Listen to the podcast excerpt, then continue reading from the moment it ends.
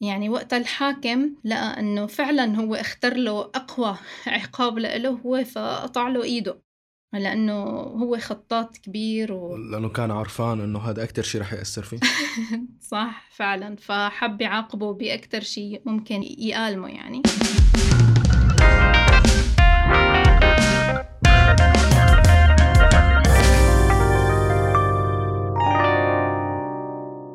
يسعد أوقاتكم جميعا واهلا وسهلا فيكم ضمن كريتيكال توك كالعادة أنا هشام برو ومعي ضيفة مميزة جديدة هي فاطمة شهزادة. كيفك فاطمة؟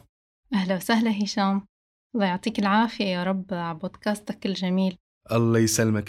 وكمان معنا خلف الكواليس عم يسمعونا هلا وراح يكونوا معنا وعم يشاركونا النقاش هن الأشخاص اللي عم يدعمونا على الباتريون. أهلا وسهلا فيكم جميعا. وللي عم يسمعونا المرة الأولى كريتيكال توك هي بودكاست بنتناقش فيها مع بعض ومع المستمعين عن الفنون وعن مختلف المجالات الإبداعية. وهي الحلقة من البودكاست تمت بالتعاون مع بودلاينز أما موضوعنا اليوم فهو عن فن الخط العربي. وهيك في معلومة كتير حلوة إنه اليوم ضيفتنا هي من أحد الأشخاص اللي عم يستفادوا كتير من منصة بودلاينز وهذا الشيء اللي جمعنا مع بعض. فأهلا وسهلا فيك فاطمة. أهلا وسهلا فيك يا رب. كيفك هشام؟ شو أخبارك؟ والله كله بأفضل ما يكون. سعيد أنه صار في فرصة أنه نحكي مع بعض. أي والله وأنا بالأكثر. بالبداية فاطمة للأشخاص اللي ما بيعرفوك مين هي فاطمة؟ أه، فاطمة هي أنا من الأساس بطبيعتي وقت كنت صغيرة أه، بحب الفنون بشكل كتير كبير. والخط هو هيك كانت بدايته أساسه حب وفضول. فبلشت أتدرب على الخط شي سنة. بعدها إجتني فرصة حضور دورة عن الخط العربي. كان فيها رحلة أثرية آه، للمعالم الخطية يلي موجودة بتركيا. ولأجل الحظ إنه كان كل المنضمين لهي الرحلة هن خطاطين. بهالرحلة تعلمت كتير أشياء جديدة علي وصرت شوف طريقة نظر أستاذي للوحة وكيف كان يعبر عنها. ومن هون اكتشفت قديش بلادنا مقصرة بتعريفنا لهذا الفن. وتخيل إنه أنا بعد تدريبي لسنة ونص اكتشفت إنه نحن الطلاب بحاجة لنتعرف على الخط بالشي النظري في قبل ما نفوت ونخوض فيه بالشي العملي ونبلش تدريب على الحروف وأساسياتها. آه، أنا يعني عم أحكي هذا الحكي من خلال تجربتي من نفسي. فبعد هاي الدورة اللي عملتها اللي كان فيها نظري و... وآثار وكل شيء فاكتشفت إنه حبي زاد و... وعليت همتي للتدريب بعدها. وقت بلش بعد فترة بودكاست يظهر فقلت ليش لحتى ما أدمج حبي لفن الصوتيات وحب الخط وهيك بطالع شيء مثمر لمجتمعي إن شاء الله يعني وإن شاء الله يكون هالبودكاست آه، مؤثر ويوصل يوصل الهدف تبعه للناس بشكل سلس. كتير حلو. وأنا سمعت البودكاست تبعك بودكاست أمشاق. أول شيء الاسم كتير حلو. والإخراج الموسيقى الأفكار اللي حكيتي فيها كتير كتير مميزة وكتير حلوة. وبصراحة حمستني أكتر لأنه نعمل هاي الحلقة مع بعض. الله يسلمك يا رب. شو أكتر شيء كان صادم لإلك وأنت عم تتعلم الخط؟ شو أكتر شيء ما كنت عم تتوقعيه أو ما كنت حاطته ببالك قبل وانصدمتي فيه لما واجهتيه؟ آه، أدواته. تخيل إنه أنا مثلا آه، كانت صدمتي كبيرة وقت اكتشفت إنه أنا ما فيني أكتب على الورق العادي بقلم الخط. يعني الخط والحبر هذا ما فيني أكتب على أي ورقة أنا أشوفها وأكتب عليها وأقول خلص أنا عملت آه، جملة بخطي وخلص تضل عندي هي وأحتفظ فيها. اكتشفت إنه للخط له ورق خاص فيه حتى تخيل ورق التدريب يعني أنا أخذت جملة بدي أقعد أتدرب عليها أو الحروف في ورق حتى خاص إني أنا بدي أقعد أكتب فيه آه، حتى للتدريب يعني هذا الشيء ما بيخلي موضوع الدخول لهذا المجال أصعب؟ لا هن حتى باختيار باختيار الورق الخاص لل آه، للخط وللكتابة بتكون مبنية على أساس بيتماشى مع مسكة القلم فلأنه مسكة إيدنا للقلم وحتى للأقلام نفسها هي بتكون غالب الوقت إما بتكون حديد آه، أو بتكون من مصنوعة من القصب. فورق القصب بده آه، عفوا قلم القصب بده ورق آه، ناعم بحيث وقت يلامس الحبر الورقة الورقة ما تتشرب الحبر. حلو. فبضيع شكل الحرف. آه okay فهمت عليك. فهو هذا الشيء أساسي و... واصلا يعني الورق المسودة والتدريب حتى أدوات الخط ما هي مكلفة يعني. سعرها زهيد ماله غالي. آه okay. طيب هو في حدا من متابعين كريتيكال توك بعث لنا سؤال آه، عن الأدوات وعن إنه okay شو ممكن الواحد يعمل في حال ما توفرت. بس ممكن نرجع له. okay. خلينا هيك شوي نرجع خطوة لورا. خلينا نبلش بإنه نسأل يعني واحدة من الأمور اللي انتبهت لها وأنا عم بعمل بحث إنه في كتير روايات عن كيف ومن وين نشأ الخط العربي. فخلينا نبدأ من هون. شو فيك تحكي لنا عن تاريخ الخط العربي؟ آه، أول شيء الخط العربي أصوله وتاريخه كيف بدي أقول لك آه، هشام آه، كتير ما بيختصر بشوي. لكن فينا نحكي عن كيف تشكلت قواعده للخط العربي. وكيف كانت مثلا كبدايته من وقت مجيء الإسلام؟ يعني فينا نحكي بهذا الموضع لأنه أساسياتها أصلا قبل الإسلام كتير مختلف عليها وكتير بدها شغل. إيه كتير تمام. أوكي. آه يعني فينا نقول إنه أساسيات الخط أو قواعده إجت بمجيء الإسلام. يعني من وقت انوجد كتاب الوحي بالقرآن الكريم. بدنا نحكي عن الخط العربي فينا نقول إنه هو من ميزات الخط العربي هي المرونة بحيث هو قادر فعليا على إنه يتشكل حسب طبيعة الأشخاص وطبيعة البيئة والظرف يلي محتاج هو يظهر فيه. هي واحدة من الميزات اللي خلته يتطور وتتشكل أنواعه لوقت وصل لعنا للآن يعني. وبعدها بلشت تتشكل المدارس الفنية. المدارس الفنية هي عبارة عن اختلافات بسيطة بمسألة الفروع وهي الاختلافات بتجي من البيئة اللي بيعيش فيها الفنان بنفسه. هاي المدارس كانت آه، آه، بيكتب فيها الخطاطين آه، وبدايتها كانت بالكوفي المربع للمصحف الأول. ببداية الإسلام. كانت بأيام المدينة بهداك الوقت الناس ما كانوا واصلين لربط الحروف بين بعضهم. يلي منشوفه هلأ مثلا بخط الثلث كترابط وتداخل. بعدها انتقل للكوفة. وصار في ميلان. للحروف مثلا لليمين.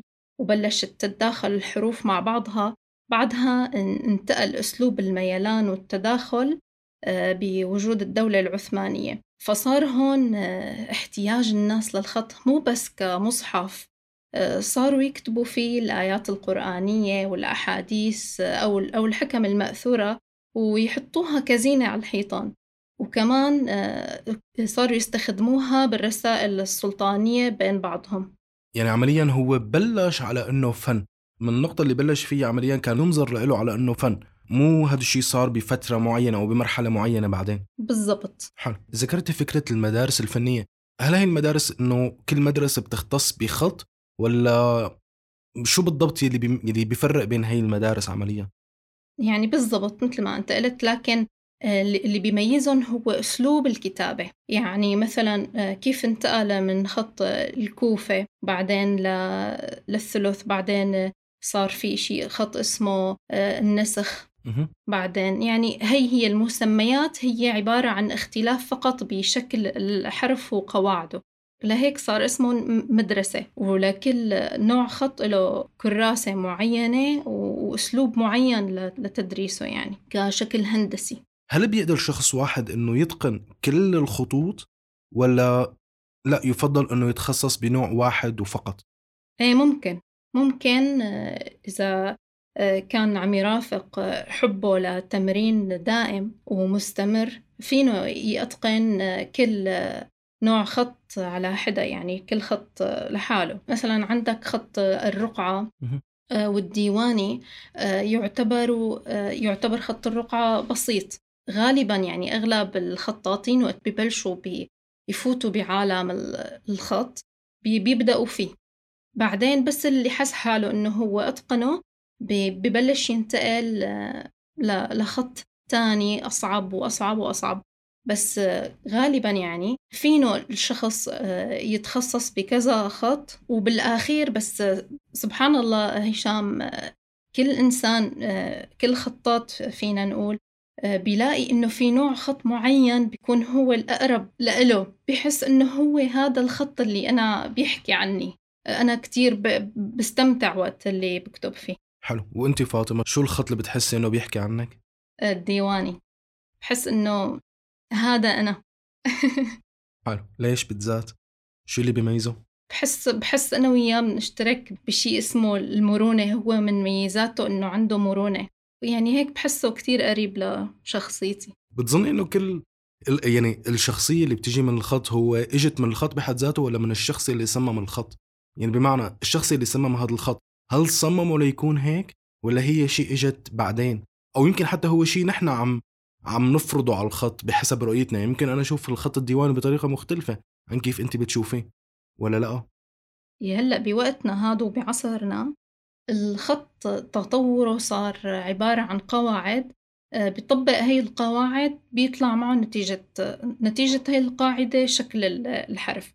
لكن من زمان هي عبارة عن آه، اجتهاد آه، كيف بدي أقول لك إبداعي. يعني كأنه هي اختراع لأنه أصل الخط هو ثابت ما كان فيه لا ميلان ولا ترابط ولا كذا يعني مثل الخط الثلث. لكن بعد تطور سنين وأجيال وناس مبدعين بهذا الشيء خلقوا الإبداع عند الخطاطين فصاروا يبدعوا.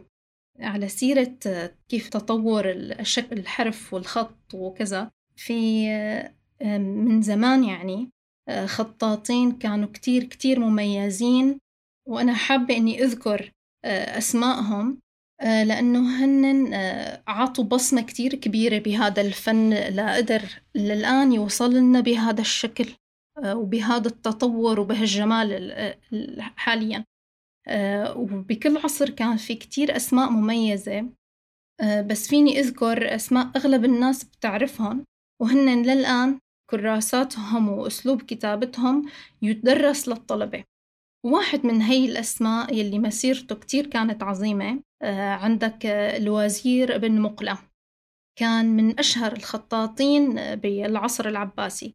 وهذا كان آه، اسمه يعني رائد بالخط. وبيقولوا إنه هو يلي أسس آه، قواعد خط الثلث والنسخ. وكان مثال يحتذى به للصبر والعزيمة.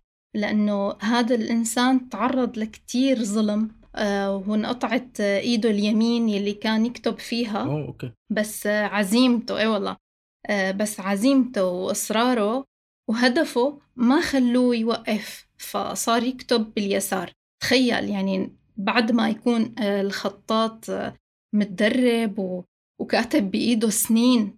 فتنقطع. قديش بده بده إيمان وبده صبر وبده عزيمة ليرد يجمع حاله ليقدر يرد يدرب إيده اليسار ليرد يكتب فيها. ففعلا كان هو خير قدوة واسمه محفور بذاكرة كل الخطاطين لأنه مشوار الخط ماله قليل. حلو. الحلقة الماضية قبل ما ننتقل على اسم تاني. الحلقة الماضية كانت عن فيلم ناقشنا فيه اسمه Sound of Metal الفيلم آه، بيحكي قصة آه، عازف درامز بيفقد القدرة على السمع. وكيف تداعيات الموضوع لما الفنان بينحرم من ممارسة الفن. ف فايه يعني كثير الفكرة هيك آه، نعم. بضيع هويته الإنسان. لما كثير من الأشخاص صح. بيربطوا هويتهم بالشيء اللي بيعملوه. يعني أنا اليوم أنا خطاط يعني. فإنه إذا فاق بيوم من الأيام لأنه okay أنا ما فيني أكون ما فيني عم مارس هذا الشيء. فأنا شو؟ بس كتير حابب أعرف كيف انقطعت إيده يعني. شو صار حتى انقطعت إيده؟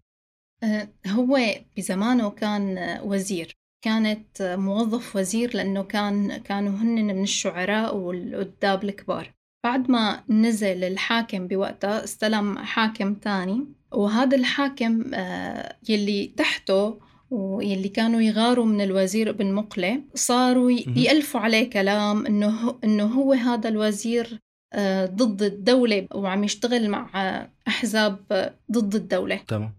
يعني وقت الحاكم لقى أنه فعلا هو اختار له أقوى عقاب له هو فقطع له إيده. لأنه هو خطاط كبير لأنه و... كان عرفان أنه هذا أكتر شيء رح يأثر فيه. صح فعلا. فحب يعاقبه بأكتر شيء ممكن يآلمه يعني. عندك كمان الخطاط آه، قطب المحرر. كان هذا مبدع بالعصر الأموي. وكان مميز جدا بالخط وينسب له خروج شكل الخط الكوفي آه، لوقت شكله هلأ حاليا يعني بوقتنا. وهو اللي اخترع قلم الطومار وقلم الجلي يعني الشكل الكبير للقلم الأصب. فهو فتح باب الاختراع اللي حكينا عليه من قبل بشوي بهذا الفن. فصار كل كاتب أو خطاط يطالع بقى يبلش يطلع مواهبه ليطلع قاعدة جديدة لحتى كترت أشكال الكتابة وتنوعت ليومنا هاد أما بعصرنا اللي لمع اسمه بالخط العربي الخطاط زكي الهاشمي. هو من له نحن سيد النساخين شغوف ومحب جدا ومتواضع جدا. وهو هلأ بوقتنا هاد مثال كتير كبير لتحويل الحب لإبداع ومسيرته كتير ما شاء الله يعني ثرية رغم أنه صغر سنه. شو المقصود بهذا الشيء بالضبط تحويل الحب لإبداع؟ آه، لأنه هو مشهور بالخطاط زكي إنه هو محب جدا للخط العربي. تعذب برحلته لحتى يعني وصل لمستواه الحالي. آه، لأنه كان هو باليمن فعم نحكي نحن من شي عشرين سنة خمسة وعشرين سنة. آه، باليمن ما كان في وبشكل عام بالوطن العربي جميعا. ما كان في الخط العربي بثراه وبقوته فنشأ عنده حبه لمثابرة. فصار يتنقل من بلدان انتقل على سوريا بعدين انتقل على تركيا. ويعتبر إنه هو أول خطاط آه، حاصل على شهادة تعليمية بالخط العربي. آه حلو. آه، هو تخيل ألف سلاسل تعليمية بيعلم فيها الخط العربي لغير المتكلمين بالعربية. آه حلو أوكي. آه وكمان مؤلف آه، سلسلة تعليمية للأطفال من عمر الأربع سنين للسبع سنين خاص منهاج كامل لتعليم الطفل الخط بكل سلاسة. فعن جد مقدم كتير لهذا الفن. بتعرفي شو؟ كتير حكينا عن مواضيع مختلفة بالبودكاست بالحلقات الماضية وتقريبا كل ما يكون في شخص بمجال جديد بيقول إنه بتعرف شو هذا المجال اللي أنا فيه بغض النظر شو هو هذا المجال لازم يتعلم للأطفال من الصغر. صح. فإذا بدنا ناخذ الموضوع إنه يوم ما ضل في مجال يعني هيك عمليا نحن ما في مجال ما رح نعلمه للأطفال. فما بعرف يعني كيف كيف أصلا ممكن هذا الشيء إنه يتم اختياره. بس آه، راني عم تسأل كيف فينا نطور فن الخط ليصير ثقافة عامة عند الناس وليش نحن بحاجة إنه يكون ثقافة عند الكل؟ أه والله أنا يعني برأيي إنه نخليه يكون هدف أساسي. ليش لحتى ما يكون يدرس بمدارسنا؟ على القليلة نحن العرب يكون يدرس مثله مثل أي مادة تانية.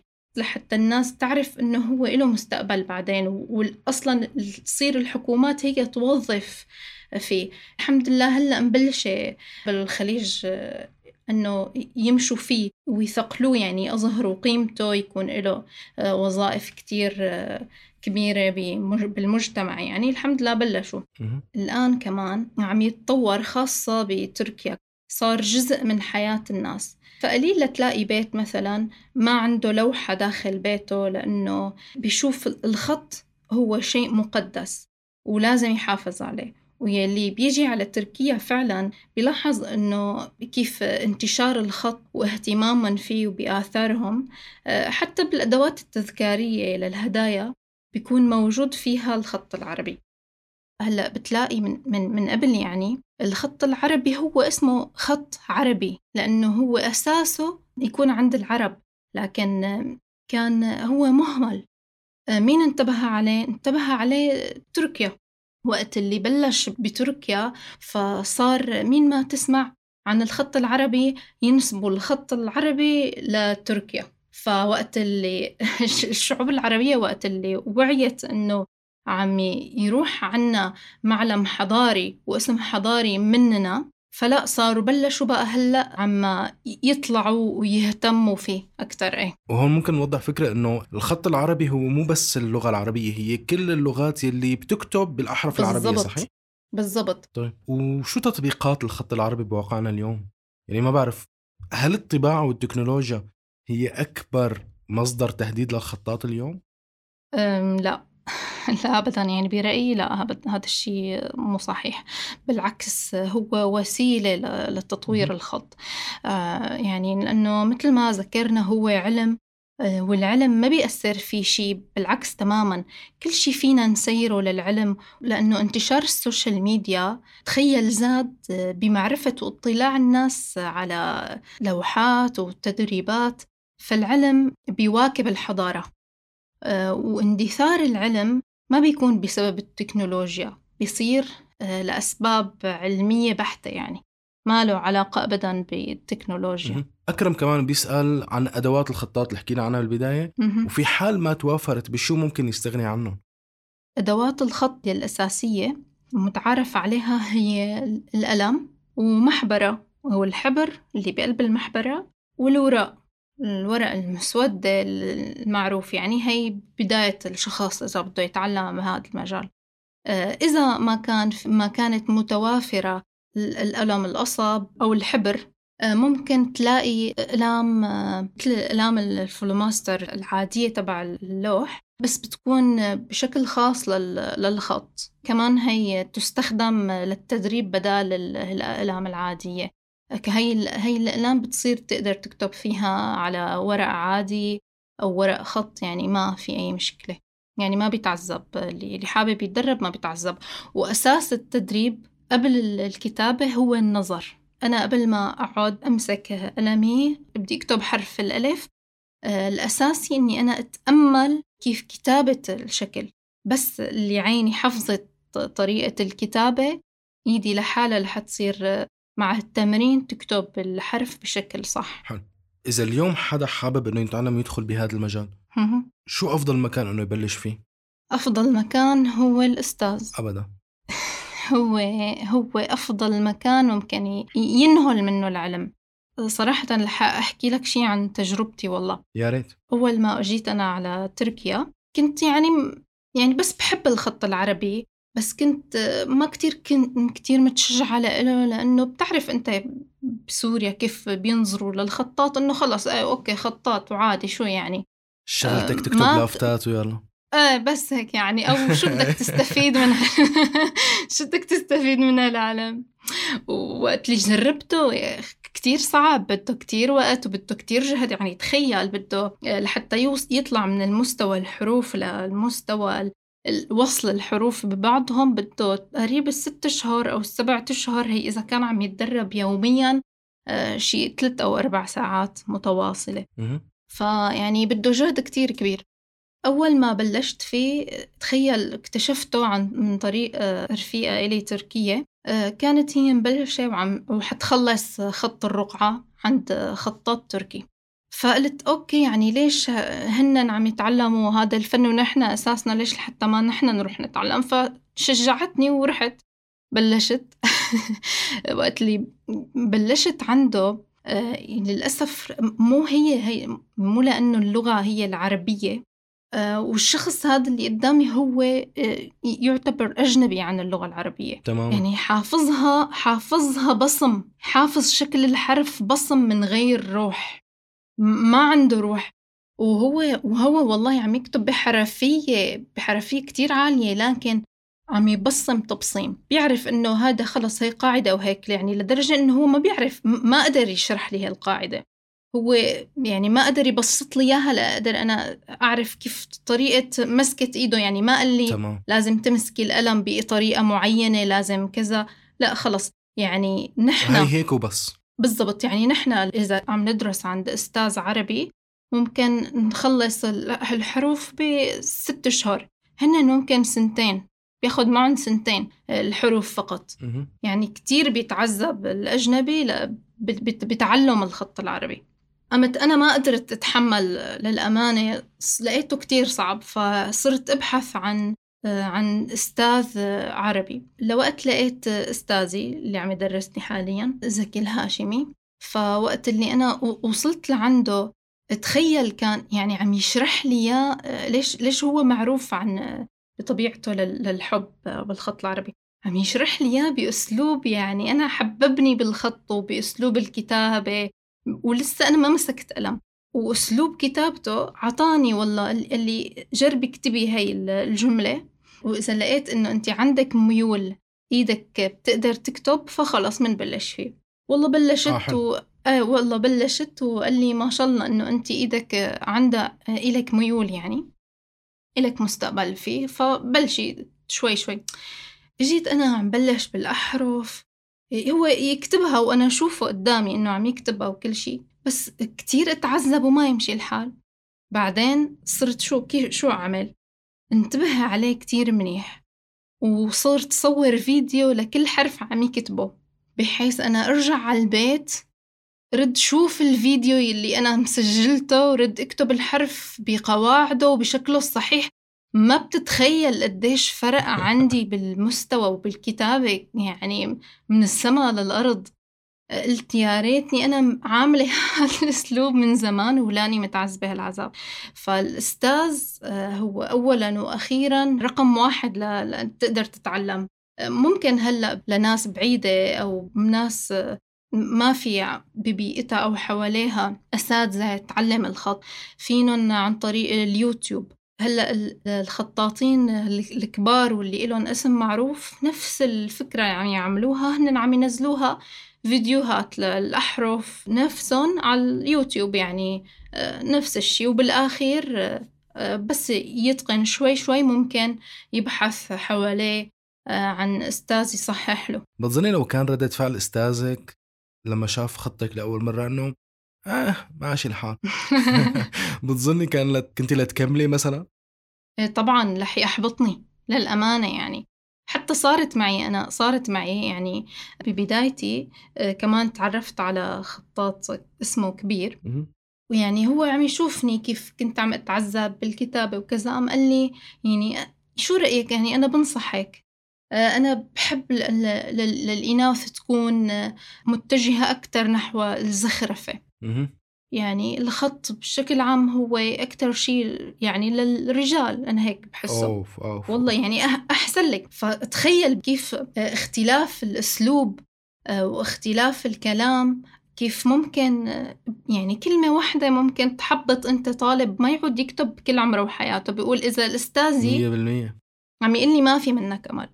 فكيف الباقي؟ يعني كنت بتوقع إنه أو هيك الواحد بحب يفكر عمليا. نحن وصلنا لمرحلة إنه خلص ما عاد يضل في هدول الأشخاص اللي يفكروا إنه أنت ك ك كأنثى يفترض إنك تشتغلي بهذا المكان بس والذكر له هذا المكان يفترض هيك.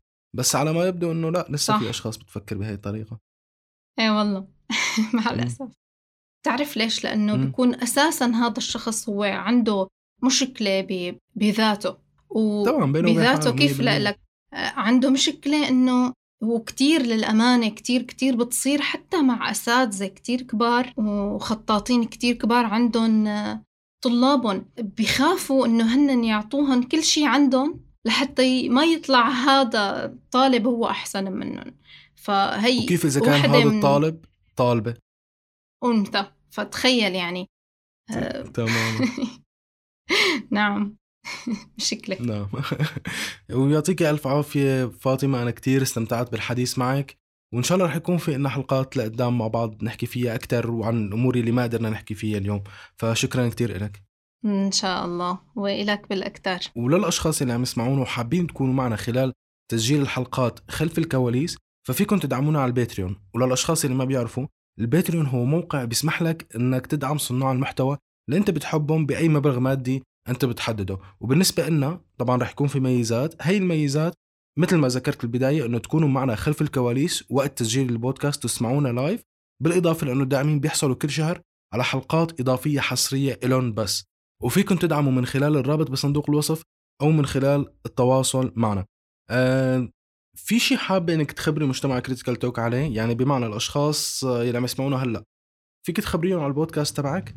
طبعا. بودكاست أمشاق هو آه، رسالة لكل حدا حابب يتعرف عن الخط العربي آه، من الأشخاص آه، يلي عندهم حب للخط العربي بس ما بيعرفوا شو هو الخط العربي. فبودكاست أمشاق هو بيتكم بالنهاية جميعا شكرا أنكم خصصتوا الوقت للاستماع لهي الحلقة. وللي ما بيعرف حلقة الأسبوع الماضي كانت عن فن الكوميكس والاستلهام من الحضارة الأمازيغية والفلكلور العربي بالرسم.